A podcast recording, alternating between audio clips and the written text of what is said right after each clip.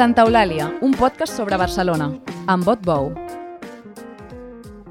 A Barcelona ha guanyat allò que és vell per damunt d'allò que és humà. L'autor d'aquesta tesi és el professor d'antropologia Manuel Delgado, un dels crítics més lúcids i esmolats del model Barcelona que va desenvolupar Pasqual Maragall i amb el qual el govern de Colau no ha pogut o no ha volgut trencar. Amb Delgado parlem avui del pes del maragallisme que avui encara dura, de la idea d'un nacionalisme barceloní, del paper poderós dels arquitectes de Barcelona, de l'urbanisme tàctic i de la recuperació dels carrers. Tot seguit a Santa Eulàlia. Manuel Delgado és professor d'antropologia a la Universitat de Barcelona. Professor Manuel Delgado, benvingut a Santa Eulàlia. Gràcies per convidar-me. Estem molt contents de tenir-lo aquí. Uh, escolti, avui volíem repassar tot això, aquest, aquest concepte uh, tan suat del model Barcelona. Uh, I per què no comencem amb un aclariment uh, conceptual? Què vol dir el model Barcelona? Qui, qui el va implementar, qui el va desenvolupar i què pretenia? Mm, a veure, jo tinc entès que, que la, el concepte de model Barcelona és conseqüència d'una apropiació eh, imprevista, si no tinc mal entès, d'una cosa que va dir en una conferència en Jordi Borja i que finalment va quallar, eh, perquè ell nega ser l'inventor del concepte i diu que hi va dir una altra cosa, però en final, bueno, si no ben trobat algú va pensar que era una bona categoria i d'una forma altra va fer circular. I es refereix essencialment als primers els primers anys de la, de la governança d'en Pasqual Maragall, bàsicament. Mm -hmm. Quins eren els objectius principals de, de Pasqual Maragall? Hi ha una primera etapa eh, en què no és establir el model, aquest model yanqui de col·laboració público-privada? Hi, ha, hi ha una primera etapa en què no és això? Home, mm, és una etapa que, que correspon bàsicament a un, a governs un govern d'esquerres que era en bona mesura resultat, mm, si més no moralment, del que havia estat la lluita veïnal sota el franquisme. I, evidentment, venia amb unes pretensions de, de, de, de, refer, de refer, realment refer Barcelona, que, evidentment, eh, tenia una càrrega política i social molt forta, si més no, eh, programàticament parlant. Però amb això parlem dels primers, és a dir, aquest, aquest cert apoderament de la lluita veïnal o d'entitats de veïnals, eh, parlem de, dels primers anys de Maragall o parlem de l'època de Serra o parlem de, de quan parlem? No, no, està claríssim que, evidentment, clar, hi ha un precedent, inclús amb el Sociès Humbert, clar, hi ha, una, hi ha una voluntat de transformació que no havia de ser només política, sinó també social, eh, aquells que havien havien eh, tingut responsabilitats eh, subordinades a l'Ajuntament franquista amb el que és, per exemple, la preparació de, del que serien les, les primeres transformacions que ja intuïen Porcioles, aquests d'una forma o altra prenen el poder, compten amb la complicitat de les associacions de veïns i doncs, eh, prenen, prenen la iniciativa d'una d'una transformació de Barcelona que neix més enllà de la merament urbanística, tot i que evidentment l'urbanística anava inclosa. Mm. I, per... I això implica donar-li una gran responsabilitat d'arquitectes i urbanistes que, que volien transformar en termes morfològics, formals, aquest projecte de ciutat nova, de Barcelona d'una renovada, ressuscitada del que havien estat les runes del, del franquisme. Quan parla d'aquesta gent que diguem que d'alguna manera recicla, podem parlar, per exemple, d'Ernest Maragall, que feia que, que treballava, havia treballat per Porcioles i després eh, continua sent eh, una, una mena de mà dreta del seu germà, per exemple. A veure, tots treballaven amb els ajuntaments de Porcioles eren, eren el Jordi Borja, en Pasqual Margany, el Narcís Serra, tots, tots estaven treballant el que seria, per exemple, el Pla de la Ribera. O sigui, el que van fer eh, aquests eh, transformadors de Barcelona va ser essencialment eh, ocupar el lloc que ocupaven els seus responsables fins aleshores. Però està claríssim que ja tots treballaven ja als ajuntaments. És, és com franquistes. un traspàs de, de, de poder generacional eh, com si no fos ni ideològic. Pues que segurament eh, Porcioles ja intuïa quin havia de ser el futur de la ciutat i a qui li corresponia executar-lo. Mm -hmm. O no sé que fos tan imbècil d'omplir de rojos la seva administració. No, no, potser no, potser era, ja no era llest, i li va atorgar bàsicament a aquesta gent eh, aquesta mena de responsabilitat, la de, la de continuar la seva feina, encara que sigui amb una clau ideològica aparentment diferent. Mm -hmm. I aquesta transformació que diu que comencen a fer un cop aquesta generació ja pren el poder, què, què pretenia? Quina, quina la transformació, on volia arribar? Volia fer, volia fer una transformació, evidentment, amb què l'aposta formal, arquitectura, urbanisme, era molt important però hi havia un afegit que és el que justament li dona caràcter i singularitat al model Barcelona i que fa que sigui un model més enllà del merament urbanístic, que és la seva forta càrrega moral. Es tractava bàsicament de, de, de, de fer possible el somni del, del Joan Maragall, l'avi, de convertir eh, un, una gran població en un gran poble, és a dir, inocular aquesta mena de principi de ciutadania hereva del noucentisme eh, i que Barcelona no, no havia, diguem estava una forma altra en marxa, però no havia existit. Barcelona era un, un cúmul de barris eh, desagregats d'un centre eh, pràcticament irrellevant. Calia construir, bàsicament, una, una, una nova identitat, una nova pàtria, en realitat. Mm -hmm. I era, era, era el naixement d'una nació, una mena Barcelona. De, una mena de nacionalisme barceloní, vol dir. Sí, sí, que, que tampoc era nou, era una herència del noucentisme, la Barcelona ciutat, la Catalunya ciutat.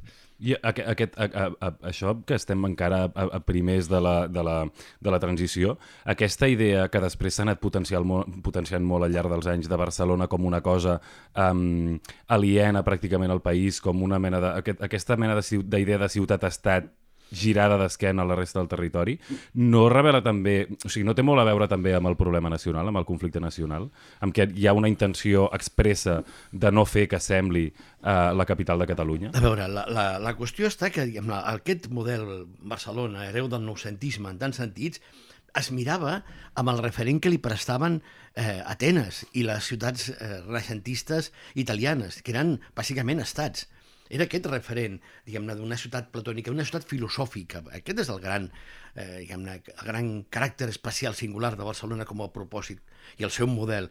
Era, era, era Atenes, era, dir, era somiar bàsicament amb aquesta ciutat convertida en estat, que estava feta de ciutadans, evidentment no tots ni lliures ni iguals, però si més no, eh, que pertanyia Evidentment, en aquest context, era perfecte perquè un cert projecte polític, el que encapçalaven els socialistes, aparegués com una tercera via, que seria mm, bàsicament una mena d'opció entre el nacionalisme eh, diguem-ne de reverberàncies carlines, tradicionalista, pairal, eh, que era el nacionalisme català que encarnava Convergència, i el, i el, i el nacionalisme espanyol sempre llunyà eh, i d'una forma altra i rellevant. Era, mm -hmm. Realment era l'opció socialista de crear un, un, un tercer patriotisme, en aquest cas específicament urbà i específicament barceloní. Però sí, sí, eh, està claríssim que, que l'alternativa al problema nacional que donem els socialistes és crear. L'expressen a través de Barcelona. Una altra nació. Mm -hmm.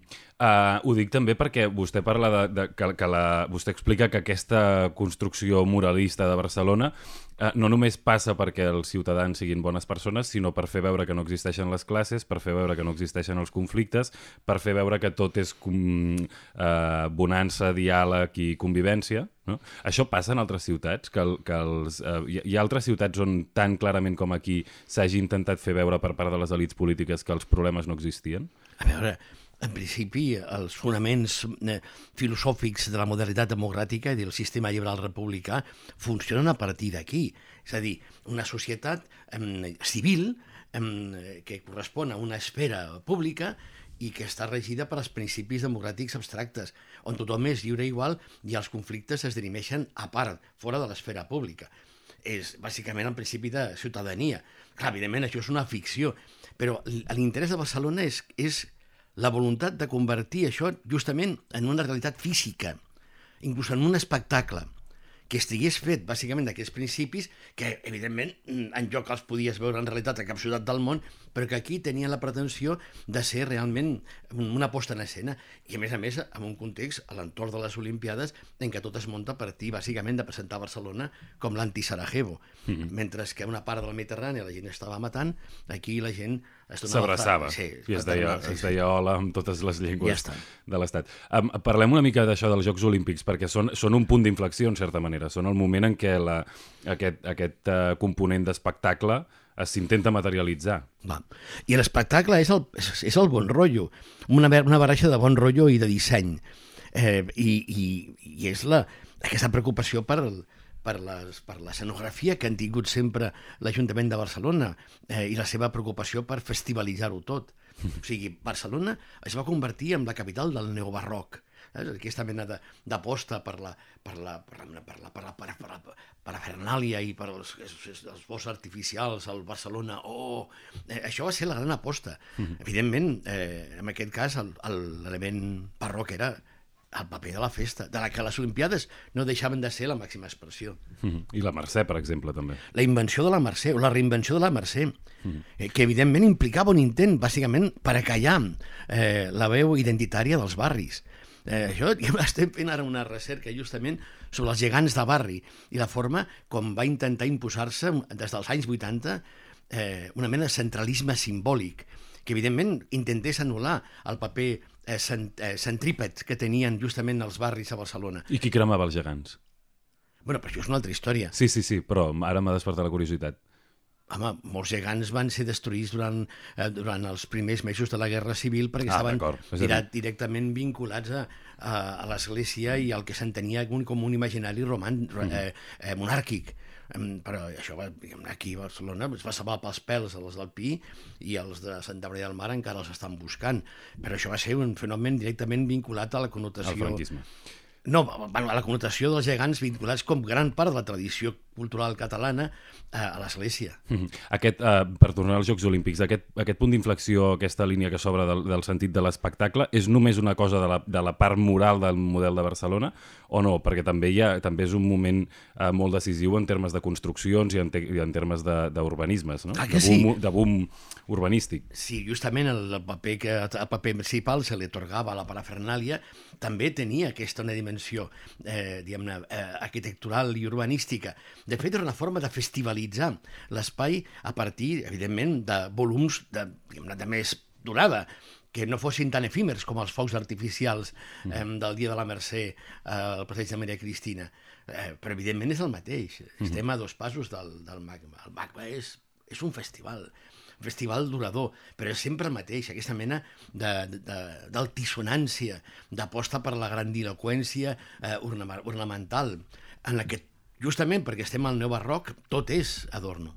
Bueno, i a més a més, obres la porta... Crees tu mateix, de fet, la necessitat del turisme, no? Perquè si crees un espectacle hi ha d'haver públic. un turisme del que la pròpia ciutadania forma part. La gràcia és convertir els, els propis ciutadans de Barcelona en turistes de la seva pròpia ciutat. Què vol dir? Doncs com que justament el que s'anima la gent és a dur a terme operacions que són característiques del turisme, que és eh, eh, eh, veure i no tocar i, i en el fons participar únicament com a espectadors. L'única cosa és que viuen aquí, però al capdavall, tipus- aquest tipus d'estímuls a l'apropiació amable de l'espai públic, aquesta festivalització, convertia els, els ciutadans bàsicament en, en espectadors. Per tant, en, Que, en, però sobretot en turistes. espectadors que no toquen, vol dir. O sigui, en espectadors que no se senten propietaris del seu propi espai públic, de l'espai públic de la ciutat. ni públic ni privat. Uh -huh. Diguem-ne, de la gent que entra al MACBA, a ser beneïts per l'art i la cultura, no, no s'espera res. S'espera únicament que es deixin, doncs, eh, això plugar, protegir, diguem-ne, no sé, acaparar per la que, per la que és la grandesa del lloc que, que, tal, que, que visiten. I al carrer igual. Al carrer és mira-me i no me toques. Al carrer, perdó, l'espai públic. La, la desvinculació entre els barcelonins i el seu espai públic comença amb el model Barcelona? O, és, perquè... No, a veure, quan s'inventa l'espai Barcelona, no existia l'espai públic. Mhm. Vale? Sí, sí, però Eh, ho dic... Perdona, i hem justament hem fet unes jornades en què recuperaven em, les pel·lícules de Clara Films de promoció del model Barcelona. Eh, són gairebé hores, eh, hores de documental de les obres que s'estaven fent i de les promeses que hi havia. En cap moment es pronuncia la paraula espai públic. No, no, no ho dic tant en, en, en, en qüestió, per la qüestió terminològica, sinó perquè hi ha, Barcelona té un passat molt combatiu dels seus propis veïns. Ah, clar. Mm, no? I llavors això, d'alguna manera, el, a, mm, vol dir també ofegar aquest passat combatiu i ofegar les, les... ofegar qualsevol expressió d'espontaneïtat, ja sigui de tipus civil, polític o senzillament festiu, és a dir, eh, diguem-ne, estrangular, escanyar qualsevol cosa que s'aparti dels seus mapes mentals. I, i, i, i- sempre a partir d'una idea tremendament dirigista del que ha de ser eh, la vida ciutadana, amb la que no cap res eh, que d'una forma o altra eh, de pugui escapar de la, una voluntat insaciable eh, de control. El franquisme controlava la política i tenia aquesta mena de preocupació de, de perseguir a l'oposició. Diguem-ne, el model Barcelona i els que manen eh, volen controlar, no la política, volen controlar-ho tot, el, el, el conjunt. Un exemple, el que Foucault anomena la biopolítica, és a dir, és bàsicament el control sobre tot. Mm. Um, en, aquest, en això, quin paper hi juguen eh, els arquitectes, que vostè en, en algun dels seus articles els ha anomenat com arquitectes prínceps, és a dir, gent que eren pràcticament uh, actors principals d'aquest espectacle. Quin, quin paper hi juguen? Evidentment, si el model que preníem de referència eren les ciutats gregues o renaixentistes, la preocupació per la forma, per l'organització de la ciutat, per una mena de lògica que imaginés que la lògica imposada a les formes uh, urbanes acabaria sent la lògica de les pròpies relacions socials, evidentment li atorgava un paper fonamental als nous hipòdamos, eh, en aquest cas, sempre, Oriol Buiga sobretot, però no únicament ell, es, i es tractava bàsicament d'atorgar-los una responsabilitat, la de demostrar que si canvies una forma urbana, automàticament canvies les relacions socials que es produeixen al seu sí. Per tant, si fas una ciutat arreglada, el món s'arreglarà. Si fas carrers diguem-ne ordenats, el món s'ordenarà. I si fas una arquitectura em, amable i pomposa, automàticament les relacions socials seran eh, igualment pomposes i, evidentment, eh, eh, lliures i formals. Però, evidentment, no és veritat la misèria és la misèria, la desigualtat és la desigualtat. Ja li pots posar projectes, plans eh, i plànols que en el fons no l'aconseguiràs sotmetre. D'igual forma que, que tampoc aconseguiràs eh, sotmetre la, la desobediència i la inquietud. Es va aconseguir durant un temps, en tant, mentre que l'Ajuntament va comptar amb la complicitat d'associacions de veïns eh, d'una forma o altra cada cop més, diguem-ne, directament dependents eh, i, per tant, còmplices. Clar, eh, el moviment Ocupa va tenir justament aquesta funció de mantenir de viva la flama d'un cert descontent, descontent urbà però després ja el de l'estima princesa les coses ja se li van començar a torçar i va aparèixer el que havia d'aparèixer, que és el conflicte, mm. que és el que més odien del món. Però no, no és lògic, en certa manera, que si hi ha edificis que són expressions artista, artístiques valuoses o que si hi ha carrers que són més bonics o si la ciutat és estèticament més bonica, els ciutadans eh, vulguin respectar-la? No, no, no, és, no, és, no és desitjable tenir una ciutat més bonica? Clar que sí, justament és, és, és, és aquest el primer pas que fa eh, que el que sigui perseguible no sigui la, la revolució, la sedició, la subversió, sinó l'incivisme, mm -hmm. que són els nous arguments de la, de la repressió contra els disconformes. Per què ni Trias ni Colau eh, trenquen amb les idees fonamentals del maragallisme? Jo crec que amb Trias sí que ho fa. Trinca, de fet, Trias et trenca, eh? De, de fet, ho fa el mateix Maragall amb la darrera etapa del seu, del seu mandat. I, evidentment, el gran, el gran retret, retret que se li fa a aquells que van darrere seu, no només el Trias, sinó l'Areu i el Clos, és haver traït l'autèntic model Barcelona, el, del, el pristí, el dels inicis, que justament és el que s'arroga l'actual Ajuntament que el que fa, el que proclama és que recupera l'esperit del, del que seria l'autèntic maragallisme. Mm -hmm. Però a veure, si, la, si, la, si els elements essencials són col·laboració público-privada, eh, fer l'espai públic més bonic i allunyar-lo de la gent i convertir la ciutat en un espectacle, això no hi ha cap alcalde de Barcelona que ho hagi trencat, sí. ni, tri, ni Trias ni Colau, no? Jo crec que Colau ho està fent. Colau, que, que, quan que digo la Colau sempre em sap greu perquè sempre sento que, que és un atac personal. Jo a, a Colau la, la vaig conèixer i li tinc un respecte perquè estic segur que fa el que pot. L'altra cosa és que si era per això, doncs... Bueno, però el cas bàsicament és que des del punt de vista en polític el que està fent justament eh, Colau, perdó, l'Ajuntament eh, que dirigeix Ada Colau, és que eh, és justament eh, apostar per reformes tremendament espectaculars i, per cert, tremendament barates perquè el que està fent amb l'urbanisme tàctic i amb, el, i amb les superilles és eh, pur espectacle són actuacions purament anecdòtiques que no impliquen transformacions importants en el que, en el que seria eh, el model de ciutat eh, realment just i socialment sostenible, eh, en comptes d'això el que fa és això que bàsicament és espectacle, diguem, és pintar els colors i tal. Passa que evidentment no és el mateix. El primer maragallisme feia una aposta per al disseny i ara doncs ja l'aposta és per allò que té un cert aspecte entre, deliberadament cutre. Eh, però en el fons és, és el mateix tipus de principi de, de generar una ciutat moralment elevada uh. -huh. i que d'una forma o altra eh, no només eh, eh, és bonica, sinó que a més a més eh, fa una contribució al bé de la humanitat. I vostè què li atribueix aquest, la voluntat d'aquest element cutre? Perquè és el que es porta aquesta temporada. O sigui... És pura, només, purament perquè és una moda. Clar, no. hi ha una moda ben, ben interessant. Clar, l'urbanisme tàctic, diguem-ne, eh, eh, s'aplica aquí amb nocturnitat i alevosia, diguem-ne, pràcticament negant els principis de debat que teòricament l'haurien d'acompanyar, diguem-ne, i el que es fa, bàsicament, és transformar la ciutat sense transformar res. És crear realment superilles, en el sentit literal de la paraula, que poden viure el somni eh, amb el fons de classe mitja d'un món apaivagat a costa dels que no són dels que no tenen la sort de viure i de poder pagar el que serà viure amb una superilla, i l'urbanisme tàctic eh, bàsicament el mateix, és a dir, és aquesta mena d'invocació de grans valors morals i tal, i diguem, de grans eh, principis universalistes que en el fons fan operacions eh, que en el fons milloren l'imatge de ciutat i per tant els preus de la ciutat, que apoyen, recolzen eh, l'espai públic a costa de deixar en plena llibertat l'espai privat, és a dir, l'habitatge. És a dir, mm, eh, que en el fons continua sent realment eh, espectacle. Mm. Això de la gentrificació que ara deia no és una mica una paradoxa? O sigui, si tu no fas, si tu fas qualsevol millora que, que tu facis en un barri, no serà mm, automàticament, no encarirà i no millorarà automàticament les condicions de viure-hi? Reformar és expulsar, ja et pots posar com vulguis. Per això. Ja, ja, ja està, tu. Ja hem anat, ja hem anat. Escolta, si Però en algun un... moment s'han de reformar les coses, no? Home, jo, jo, jo estic en contra, diguem-ne, de contribuir eh, al, a netejar l'aire i que d'una forma o altra evitem la catàstrofe ecològica. Jo estic a favor. El problema bàsicament està que el que no vull és que aquest tipus d'excuses serveixin per fer-me creure que jo sóc el responsable i, altra banda, que no serveixin per fotre'm fora del meu barri. Però llavors, a més a més, el problema és que les reformes no serveixen per, per netejar l'aire no? Evidentment, clar que no. El, el, el, el, problema, el problema del planeta és molt més greu i te puc assegurar eh, que, que, que l'urbanisme tàctic no el soluciona. És una qüestió, és com tirar les botelles, clar, són coses que estan bé, clar, com pots estar en contra.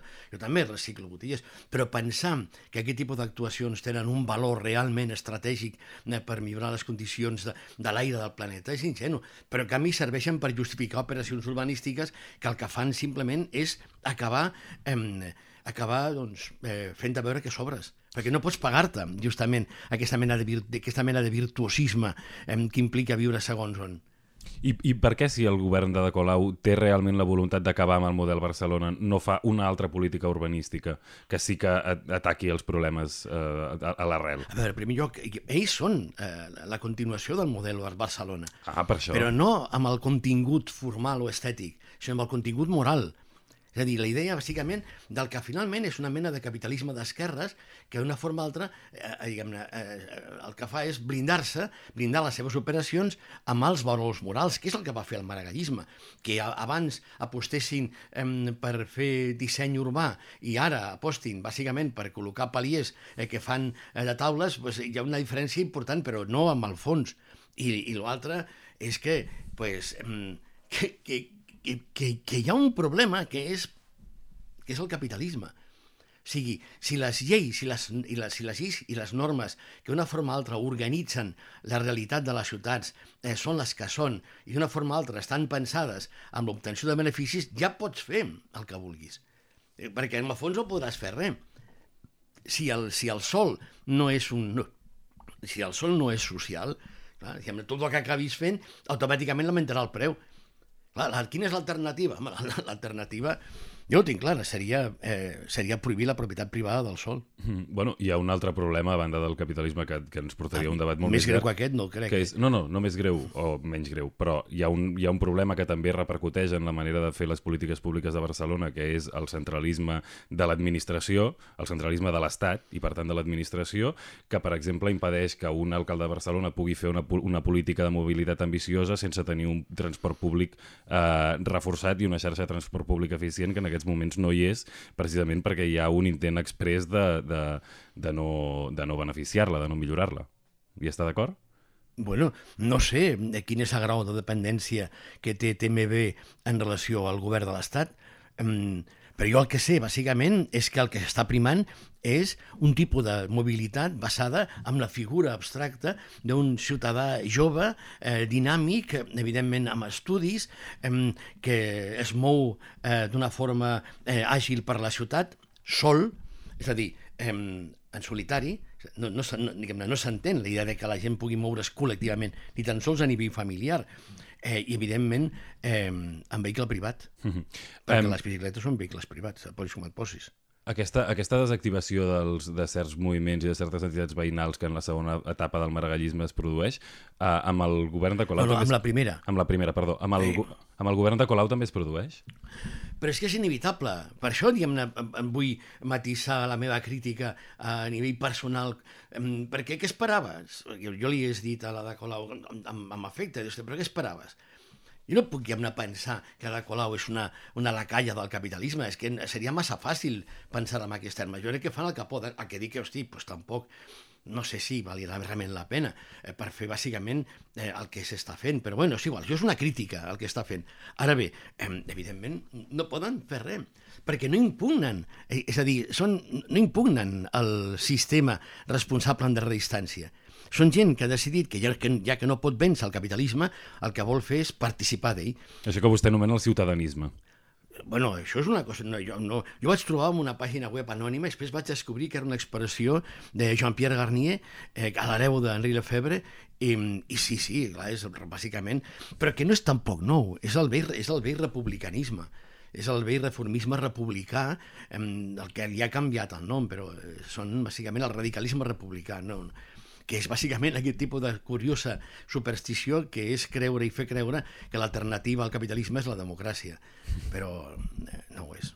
Aquesta, aquesta cosa de no impugnar, de no, de no tractar les coses des, del, des de la base, eh, ha convertit el govern de De Colau en algun moment eh, en, un, en una mena de Puccinelli, en el sentit que eh, en, en el moment eh, de màxim clímax del procés en què hi havia com a mínim es podia palpar un cert ambient de revolta en alguns moments, eh, tenir una, aquesta tercera via, o sigui, era la continuïtat de la tercera via que vostè deia entre el nacionalisme català i el centralisme espanyol, tenir-lo a l'Ajuntament de Barcelona, a l'Estat li va anar bé eh, per, per contenir aquest esperit de revolta? Podria ser, eh, però hagués sigut, una, un, hagués sigut un objectiu de fos quin fos el context.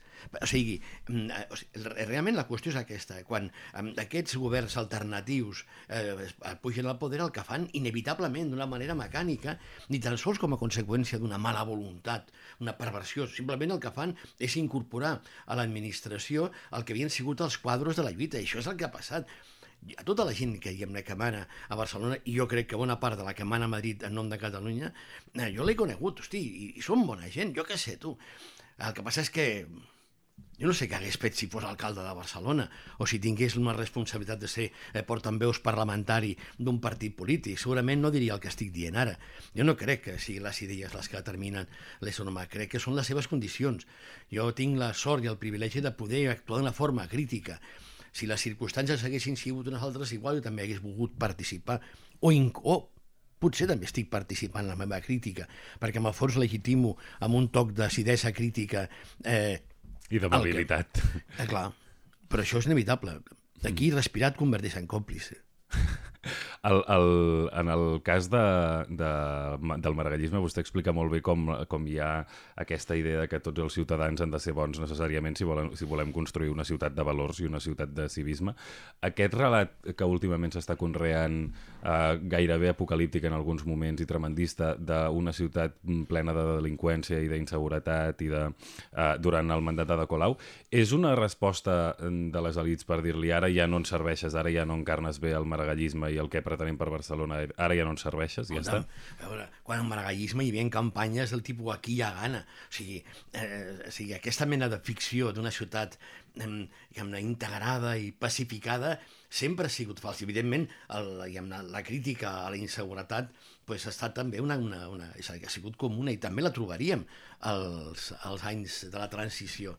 Sí, que la- les Rambles, que dos per tres estava pates en l'aire perquè, eh, perquè hi havia el o jo què sé, diguem-ne, sempre eh, hi ha hagut eh, merda a Barcelona. Però, però diguem-ne, com la gent, eh, com aquest maragallisme, d'aleshores i el d'ara, eh, viu amb els mundos de Llopip, es pot permetre el luxe de fer que la nostra alcaldessa, amb tota la seva bona fe, surti dient aquest any no hi haurà festes a la Mercè eh, al carrer i que s'ajuntin 40.000 joves borratxos a, a, a, allà, allà al passeig de Maria Cristina. I Què, què has de fer? Pues, això és el que hi ha. És a dir, no pots, diguem-ne, per molt que, diguem que amb el teu món em, sumís amb, amb superilles plenes de gent em, de classe mitja i d'aspecte amable, em, demostrant que l'espai públic de qualitat és seu perquè ells són de qualitat, si en comptes d'això, si t'ajunta gent fent, diguem-ne, eh, liant porros em, i fotent escàndol de matinada, pues, pues jo què sé, diguem-ne, però això passarà amb els que vinguin. Mm. I algú diria, no ha que per sort, amb el sentit de que me n'alegro que passin aquestes coses. No és per sort que, que, que hi hagi pobres dormint al carrer. És per sort que encara, diguem-ne, no han aconseguit amagar la realitat. Llavors, clar, diguem, mm, aquests governs, diguem-ne, tots, amb el fons, diguem ho faran. L'important, l'interessant del cas de, de, de Maragall i de la seva hereva, que realment és, és el de Colau, és essencialment eh, aquesta mena de, de bonomia, no? d'aquesta mena de paper que li donen justament el, els valors, no? I, i, i, i amb la finalitat d'aconseguir una ciutadania virtuosa. Mm -hmm. bueno, fan el que poden, però és que és impossible. No, no, no ho aconseguiran mai. Vostè ha parlat de l'entristiment de les ciutats. A Barcelona li sembla una ciutat trista? Home, eh, jo trobo que, que ha viscut moments eh, diguem-ne importants de, de creativitat i, i d'espontaneïtat. Però que no són aquests. No sé. És que saps què passa? Clar, sembla que estigui enyorant, eh, que estigui enyorant el, inclús el franquisme, no? Diguem la, la, o que estigui enyorant els anys 80, no? El, el rambleig i, eh, com a forma de vida. No, no, no. Jo estic enyorant la dècada dels, dels 2010, eh? Ja, o sigui, el, els 2010 Barcelona bullia. O sigui, era una darrere d'altra. Me recordo el 2000, la protesta contra l'esfilada eh, militar. Després, contra les cimeres de caps d'estat i de govern. Després, contra la cimera del Banc Mundial. I això del 2000, 2010, fins al... Ah, és que t'ho he dit malament eh, no és la 2010, és la, la, la dècada dels 2000, mm. de la que, evidentment, la fi... Que culmina amb el 2011, Clar, amb els indignats. bàsicament el 15M, que alguns diuen que va ser el principi d'alguna cosa, i quan va ser al final de va, tot. Va, va, va ser, però és que amb això, de fet, hi ha, hi ha un paper essencial amb això, és l'absorció de tota l'energia combativa del, del, dels indignats, no? Però quina energia per... combativa? Allò era energia combativa. De tota l'energia un... combativa que havia arribat no, fins a aquell moment a culminar amb els indignats. I justament clar, va, va quedar completament anul·lada amb aquella mena de fira medieval clar. amb la que jo hi vaig ser. O sigui, cuidado, eh, a primera línia, però està claríssim que allò es va acabar. Per què? Perquè era essencialment ciutadanista. No hi havia un contingut eh, d'impugnació al sistema capitalista. Allà el que es demanava, bàsicament, al capitalisme és que tingués una miqueta de consideració, que tingués misericòrdia, que no es passés perquè són gent que creia que havia de combatre el capitalisme salvatge pensant que hi ha un capitalisme que no ho és. Però, en el fons, e, era l'apoteosi d'aquesta mena, diguem-ne, de, de, de, de, de bon rollisme que ni tan sols era mm, d'esquerres. És a dir, allà ningú mai va proclamar eh, ja no una condició revolucionària, sinó una condició ni tan sols eh, senzillament eh, transformadora. Allò era bàsicament una qüestió sentimental, d'indignació, en què, en què pel matí es feien eh, salutacions al sol i cadenes d'espiritualitat. Ara, en quan van sortir de la plaça i es van anar al Parlament, automàticament es, es va acabar la història.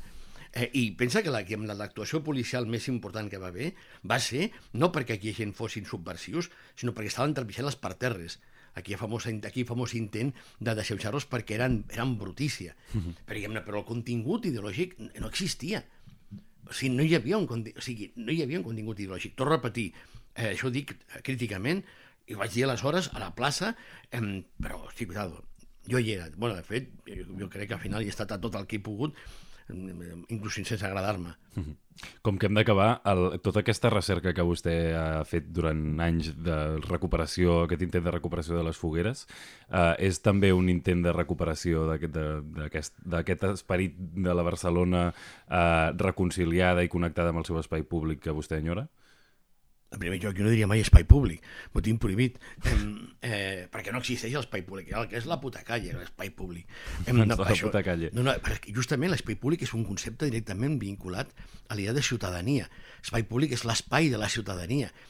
El carrer és l'espai del conflicte. L'espai públic existeix contra el carrer.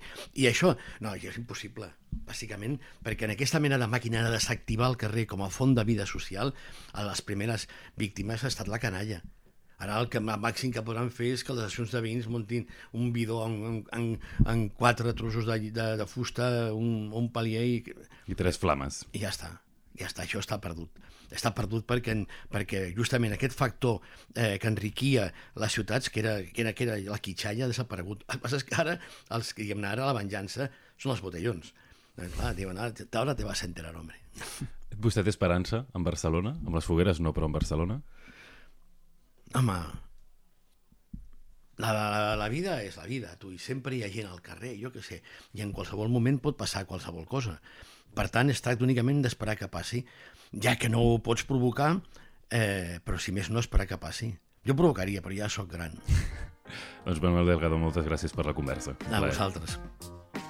Recordeu que podeu enviar-nos els vostres comentaris o suggeriments a l'adreça santaeulàlia.vilaweb.cat santaeulàlia.vilaweb.cat Moltes gràcies. Santa Eulàlia és un podcast de VilaWeb presentat per Otbou amb Carles Garcia al servei tècnic i a les veus Maria Castanyer.